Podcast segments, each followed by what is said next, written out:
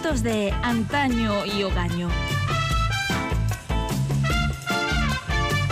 Un espacio sobre historias de la moda, reflexiones costumbristas y momentos de inadvertida felicidad. Adereza Edurne Baz.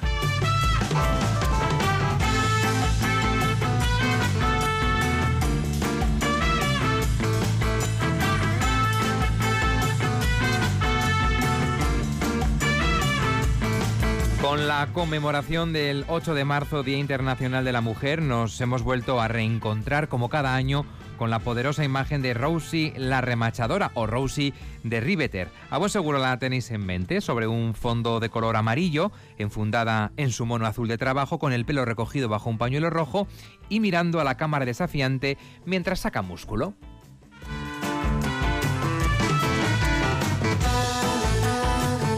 La habéis reconocido, ¿verdad? Rosie, que en su momento buscaba animar a las mujeres a que con los hombres en el frente se incorporaran al mercado laboral y mantuvieran vivo el tejido industrial de Estados Unidos, acabó convertida a partir de los años 80 en icono del movimiento feminista internacional. Edurne Vaz, ¿qué tal, Egunon? Hola, muy bien. Y nos preguntamos, ¿pero quién era Rosie la remachadora? Bueno, nos preguntamos efectivamente si este símbolo de la fortaleza femenina durante la Segunda Guerra Mundial estaba basado en alguna mujer real en particular qué valores representaba entonces y aún más importante, sigue en la actualidad representando esos mismos valores o hemos resignificado a Rosie. Bueno, pues hoy en Asuntos de Antaño y Ogaño nos detenemos en algunos de los cambios sociológicos que produjeron las dos grandes contiendas mundiales y de forma particular la segunda, con la esperanza, en vista de los actuales acontecimientos, de que podamos seguir hablando de ellas en pasado.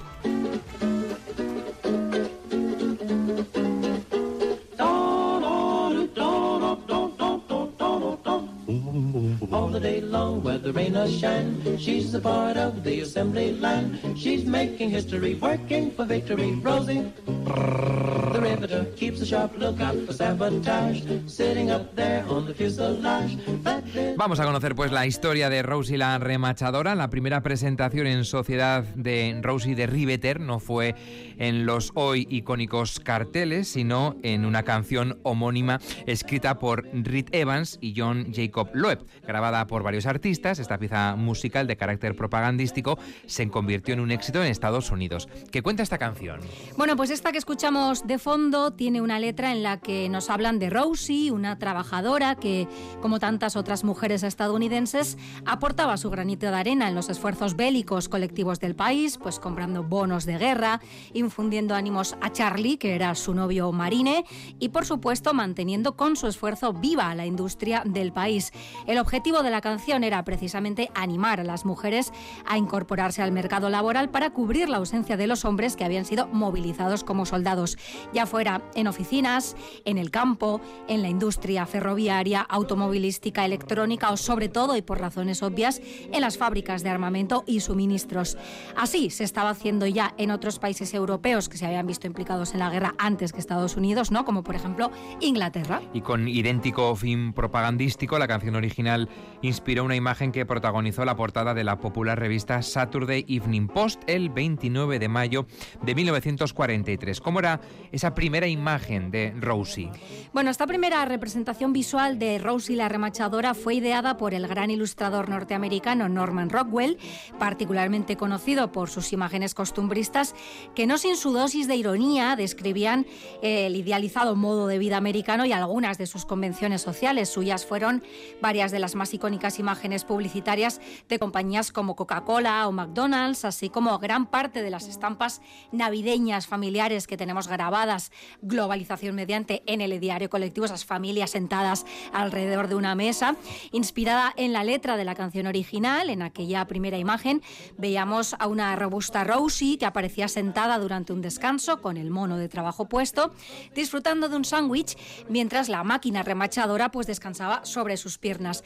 Por si quedaba alguna duda, Rockwell escribió el nombre de Rosie sobre la fiambrera de la que había salido aquel reconstituyente sándwich y ya como guiño patriótico patriótico añadido, vemos cómo Rosie apoya sus pies sobre un ejemplar del Mein Kampf, el escrito autobiográfico de eh, Adolf Hitler, ahí ya pisoteando mm. directamente a ese hombre. Bueno, la buena acogida que tuvo aquella imagen hizo que la revista acabara cediéndosela al Departamento del Tesoro estadounidense para ser utilizada en las campañas destinadas a la venta de bonos de guerra. ¿Comienza y de alguna forma a popularizarse y a extenderse esa imagen? Esa y otras similares, porque a partir de aquel primer póster surgieron otros muchos, entre ellos los que encargó la empresa Westinghouse Electric al diseñador gráfico estadounidense J. Howard Miller para elevar la moral de sus trabajadoras y estimular su productividad pues dentro de las paredes, digamos, de esa compañía. Todos aquellos carteles, además de vídeos o películas, se utilizaron con fines propagandísticos para animar a las mujeres a incorporarse al mercado de trabajo. Funcionaron como el equivalente femenino de otro icónico cartel de reclutamiento, el del famoso tío Sam, apuntando con el dedo y diciendo aquello de I want you for US Army, te quiero a ti en el ejército de los Estados Unidos durante la Primera Guerra Mundial. Bueno, pues ahora en esta segunda teníamos a Rosie y con el ánimo de reclutar, en este caso a las mujeres, el gobierno de los Estados Unidos apelaba sobre todo, como acostumbra, a su deber patriótico, pero también a la autonomía que podría darles pues el ganar su propio sueldo. Y en este punto es menester hacer un paréntesis para dejar algo bien claro y es que las mujeres fueron mano de obra entregada y eficaz, pero extremadamente barata. Se calcula que recibían la mitad del sueldo que los hombres a los que técnicamente estaban supliendo, mm. ¿no?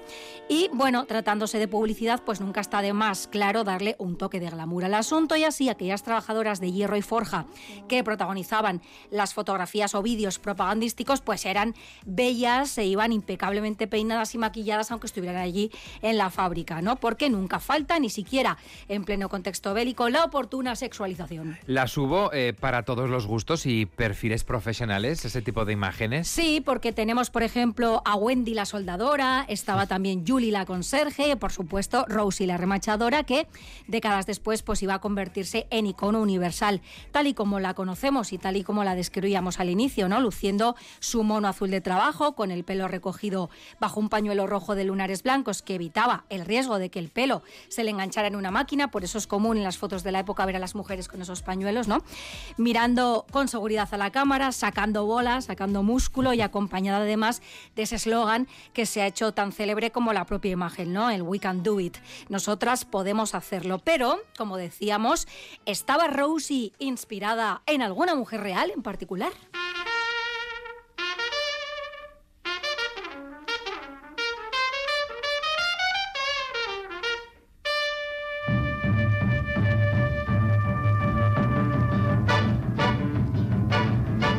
Vamos a intentar al menos responder a esa pregunta si estaba esta Rosie de Riveter em, basada en alguna mujer real. Varias mujeres de entre las muchas que durante la Segunda Guerra Mundial sostuvieron la industria estadounidense, llegaron a ser consideradas como la modelo original que había inspirado a Rosie la remachadora. ¿Pero en alguna en particular? Pues si bien existe en la actualidad un notable consenso en torno a la identidad de la mujer que sirvió como modelo, lo cierto es que Rosie podría ser, y de hecho es, cualquiera de las millones de mujeres que arrimaron el hombro cuando su país las necesitó y, como luego veremos, con nulo reconocimiento posterior. ¿no? Por ejemplo, una de las mujeres que se han barajado como inspiradoras de la hoy icónica Rosie es Rose Will Monroe. Sí, esta mujer, nacida en Kentucky en 1920 durante la Segunda Guerra Mundial, se mudó a Michigan, donde trabajó efectivamente, como remachadora construyendo bombarderos para las Fuerzas Aéreas de los Estados Unidos. Rose, eso también se sabe, protagonizó una película de carácter propagandístico y tras la guerra se resistió a abandonar el mercado laboral. Ella condujo un taxi, dirigió una tienda de productos cosméticos, montó su propia empresa de construcción y también obtuvo la licencia de piloto. Por desgracia, años después, sufrió un accidente con su aeroplano debido a un fallo mecánico y perdió un riñón y la visión en el ojo izquierdo y murió en 1997 con 77 años. Esta es una de las que se barajó como eh, inspiración ¿no? para Rosie de Riveter. Otras mujeres apuntadas como inspiradoras directas de Rosie la remachadora fueron, por ejemplo, Rosalind Palmer, que murió en 2020, o Geraldine Doyle, que murió en 2010, convencida ¿no? de ser además la auténtica Rosie. Sí, y en parte lo era porque durante la guerra, cuando trabajaba en una planta industrial de Michigan, enfundada también en un buzo de trabajo y con un pañuelo en el pelo, pues había posado para una fotografía propagandística muy similar al cartel ¿no? que hoy todos tenemos en mente. Y de hecho, durante un tiempo la prensa dio por válida su historia. Es más, cuando falleció, varios medios de comunicación publicaron obituarios en su honor. ¿no? Bueno, pero ese mismo año, en 2010, un poco convencido James Kimball, profesor de la Universidad Seton Hall en New Jersey, inició una ardua investigación a partir de una fotografía antigua y llegó a la conclusión de que la auténtica Rosie era en realidad Naomi Parker esta es la que se da hoy por hoy por sentado que fue el origen real de, nuestra Rosie. ¿no? En 1942, tras el ataque japonés a Pearl Harbor, Naomi, que entonces tenía 20 años, entró a trabajar en la Estación Aérea Naval de Alameda, en California, junto a su hermana Ada, que tenía 18 años.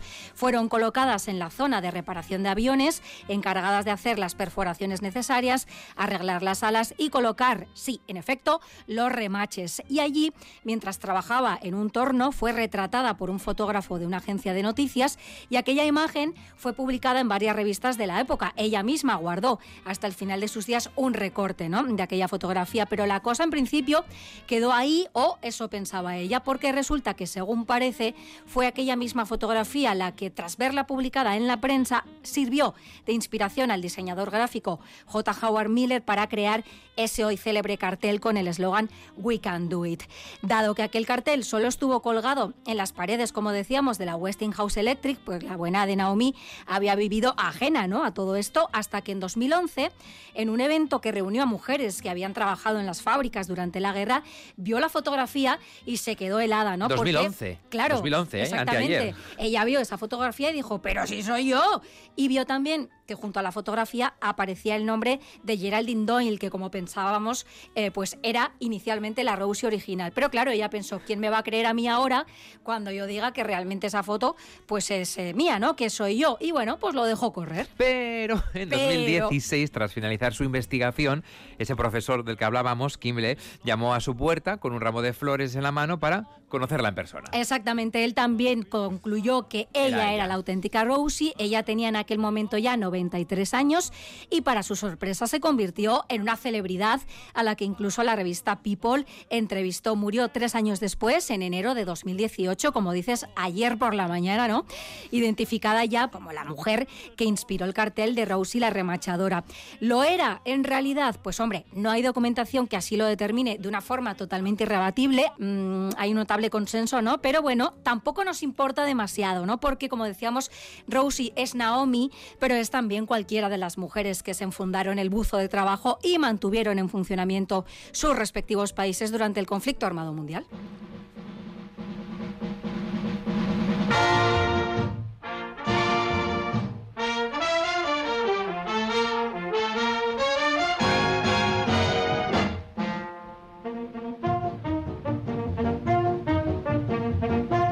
Estamos hablando de la historia de Rosie la remachadora en un contexto bélico en el que los hombres eran enviados al frente a luchar y las mujeres se quedaban desempeñando esos trabajos, ¿no? Eh, que hasta ahora hacían los hombres, como era el caso de en todo el sector armamentístico, ¿no? Bueno, tras el fin de la contienda, muchas de aquellas mujeres quisieron seguir ejerciendo, ¿no? Un oficio remunerado que les garantizaba la independencia económica y personal que durante aquellos años habían saboreado. Pero claro, los hombres volvían. Los hombres volvían, ya la labor de las mujeres no era necesaria y venga, retírate de nuevo a tus aposentos, ¿no? Ellas estaban bien formadas, en muchos casos se habían especializado en sus respectivos sectores y no deseaban volver a limitarse pues a la que parecía su única labor social aceptable, ¿no? Que era la de esposas y madres. Pero como los hombres, como decíamos, volvieron del frente, pues aquellas mujeres, tanto jóvenes como maduras, que habían mantenido a pleno rendimiento el tejido industrial del país y habían contribuido a la victoria aliada, pues fueron obligadas a ceder de nuevo sus puestos de trabajo a a esos soldados ya desmovilizados. Es decir, que su único lugar en la sociedad volvía a ser eh, estar en casa. Exactamente, especialmente en el caso de las mujeres casadas, algunas de las cuales, dicho sea de paso, se habían quedado simultáneamente sin ese trabajo y también sin sus maridos que los habían perdido en la guerra, ¿no? Y es que, para colmo y de forma en absoluto casual, el ambicioso plan de conciliación que el gobierno estadounidense había desarrollado durante el conflicto, que proporcionaba a las mujeres un servicio de guardería mientras estaban trabajando en las fábricas, pues fue cancelado tras la guerra. Y salir de trabajar, sí, con suerte, habían conservado un trabajo, volver a casa y tener que afrontar además en solitario las tareas del hogar y el cuidado de la familia, pues era todo un desafío, pues como lo sigue siendo, salvando las distancias en la actualidad, ¿no? De todos modos, tampoco es que tuvieran ocasión de elegir porque la mayoría de aquellas mujeres fueron despedidas, reemplazadas por hombres y derivadas en todo caso a empleos considerados tradicionalmente femeninos como la enseñanza, la enfermería o el secretariado. La propia Naomi, nuestra Rose y la remachadora original, pues bueno, trabajó el resto de su vida como camarera, ¿no? Y claro, del mismo modo que durante la guerra había sido necesaria una concienzuda labor de propaganda, ¿no? Para sacar a las mujeres del rol en el que habían sido educadas, hubo que hacer pues un trabajo igual de enérgico, pero ahora a la inversa. Claro, se pasó del uso propagandístico de una mujer patriótica, fuerte, preparada y autosuficiente a la glorificación de la recatada y pluscuamperfecta ama de casa tan característica de los años 50. En paralelo a este modelo, la feminidad también se redefinió y se impuso, por ejemplo, la sensualidad ingenua y en absoluto subversiva encarnada por las chicas pin-up o chicas de calendario, cuya imagen además había decorado hasta hacía muy poco las taquillas ¿no? de los soldados. Pero ya del fenómeno pin-up que tiene lo suyo, hablaremos otro día.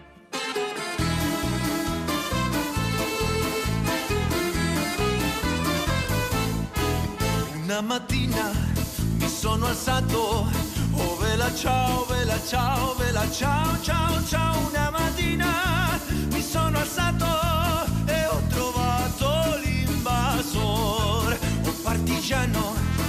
En Asuntos de Antaño y Ogaño, hoy estamos hablando de la historia de Rosie la remachadora, que es la historia de muchas mujeres que durante la Segunda Guerra Mundial estuvieron al frente ¿no? de muchas fábricas eh, en trabajos que hasta el momento hacían sus maridos y que tras la contienda fueron de nuevo relevadas ¿no? Eh, a un segundo plano, al, hogar. Cuando finalizó esa Segunda Guerra Mundial con la victoria del bloque aliado, los hombres volvieron a casa, fueron recibidos con los eh, bien merecidos desfiles y honores, pero ¿Qué pasó con ellas? Bueno, pues en cambio las mujeres que durante esos años, entre otras muchas labores, habían mantenido el país en pie y la maquinaria de guerra oportunamente engrasada, que habían resultado por tanto imprescindibles para esa victoria final, pues no recibieron reconocimiento oficial alguno, ¿no? Fueron expulsadas sin contemplaciones de los puestos de trabajo en los que habían demostrado con creces su valía, devueltas a los roles femeninos tradicionales y por si fuera poco, completamente invisibilizadas y a la postre olvidadas. Fueron, en resumen, utilizadas por su país y después traicionadas. Qué duro, ¿eh? Muy duro, muy duro. Y Rosie, la remachadora, ese antiguo emblema de la fortaleza femenina, de la mujer patriótica, trabajadora y autosuficiente, fue desterrada a los pliegues sombríos de la historia, ¿no? Y qué decir de las mujeres negras, doblemente discriminadas en tiempos de segregación, que por no ser ni siquiera habían sido representadas en las imágenes o vídeos propagandísticos, pero cuya mano de obra se aprovechó como la de cualquier otra, ¿no? Nadie parecía recordar ya que muchas de aquellas mujeres, además de cumplir con las duras jornadas de trabajo en las fábricas, habían colaborado también como voluntarias de la Cruz Roja en el escaso tiempo libre que les quedaba. Nadie parecía recordar ya que muchas de ellas se habían desplazado incluso al frente, donde entre otras labores habían ejercido como camilleras, enfermeras o mensajeras, y pocos parecían recordar ya la impagable labor que las mujeres habían desarrollado desde la resistencia, ¿no? En Francia, en Italia, esas valerosas partisanas que asumieron labores logísticas, mientras los hombres a su vez se la jugaban como guerrilleros. ¿no? Cuatro décadas tuvieron que pasar antes de que el icónico cartel de Rose y la remachadora fuera literalmente desempolvado.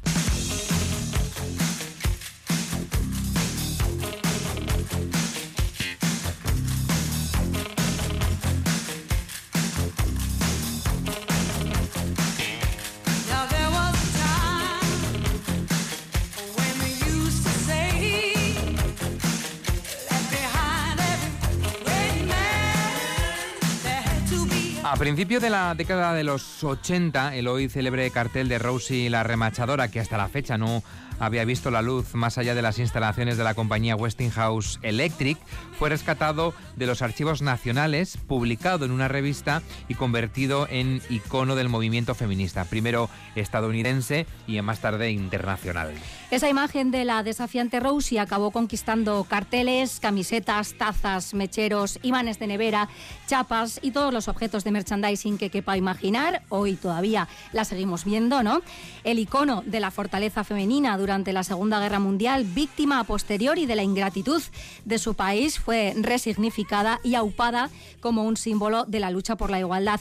Cruzó incluso esa frontera para convertirse ya directamente en icono pop, protagonista de cómics y videojuegos, armada con su pistola de remaches y reinterpretada por un sinfín de mujeres, siendo probablemente la más recordada Beyoncé en un viralizado posado que hizo para The New Yorker, caracterizada como Rosie la remachadora. El esfuerzo colectivo de hombres y mujeres hizo posible dejar atrás dos grandes y devastadoras guerras mundiales. Confiemos en que la sin razón no vuelva a conducirnos a espeluznantes escenarios que ya creíamos superados.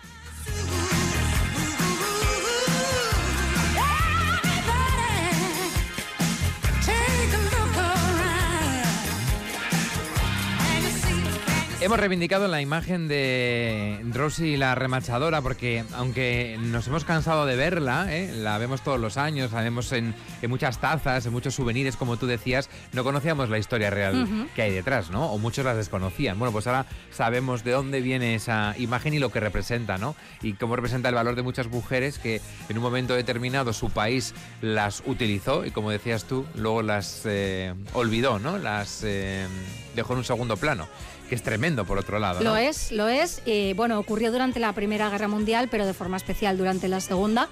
Y después de convencerles de que tenían otros papeles posibles y libremente elegibles para su vida, pues eh, cuando ya no hicieron falta, fueron relegadas otra vez al hogar. Así que, bueno, pues queríamos reivindicar esa labor que hicieron, como importante fue, por supuesto, la de los hombres en, en el frente, pero todos aportaron su granito mm. de arena para, bueno, al final que triunfara la libertad, ¿no? Pues ahora cuando veamos la imagen nos acordaremos que un día contamos en este programa la historia detrás de Rosie, la remachadora. Edu Remaces Caricasco. Eso, regatic. Agur.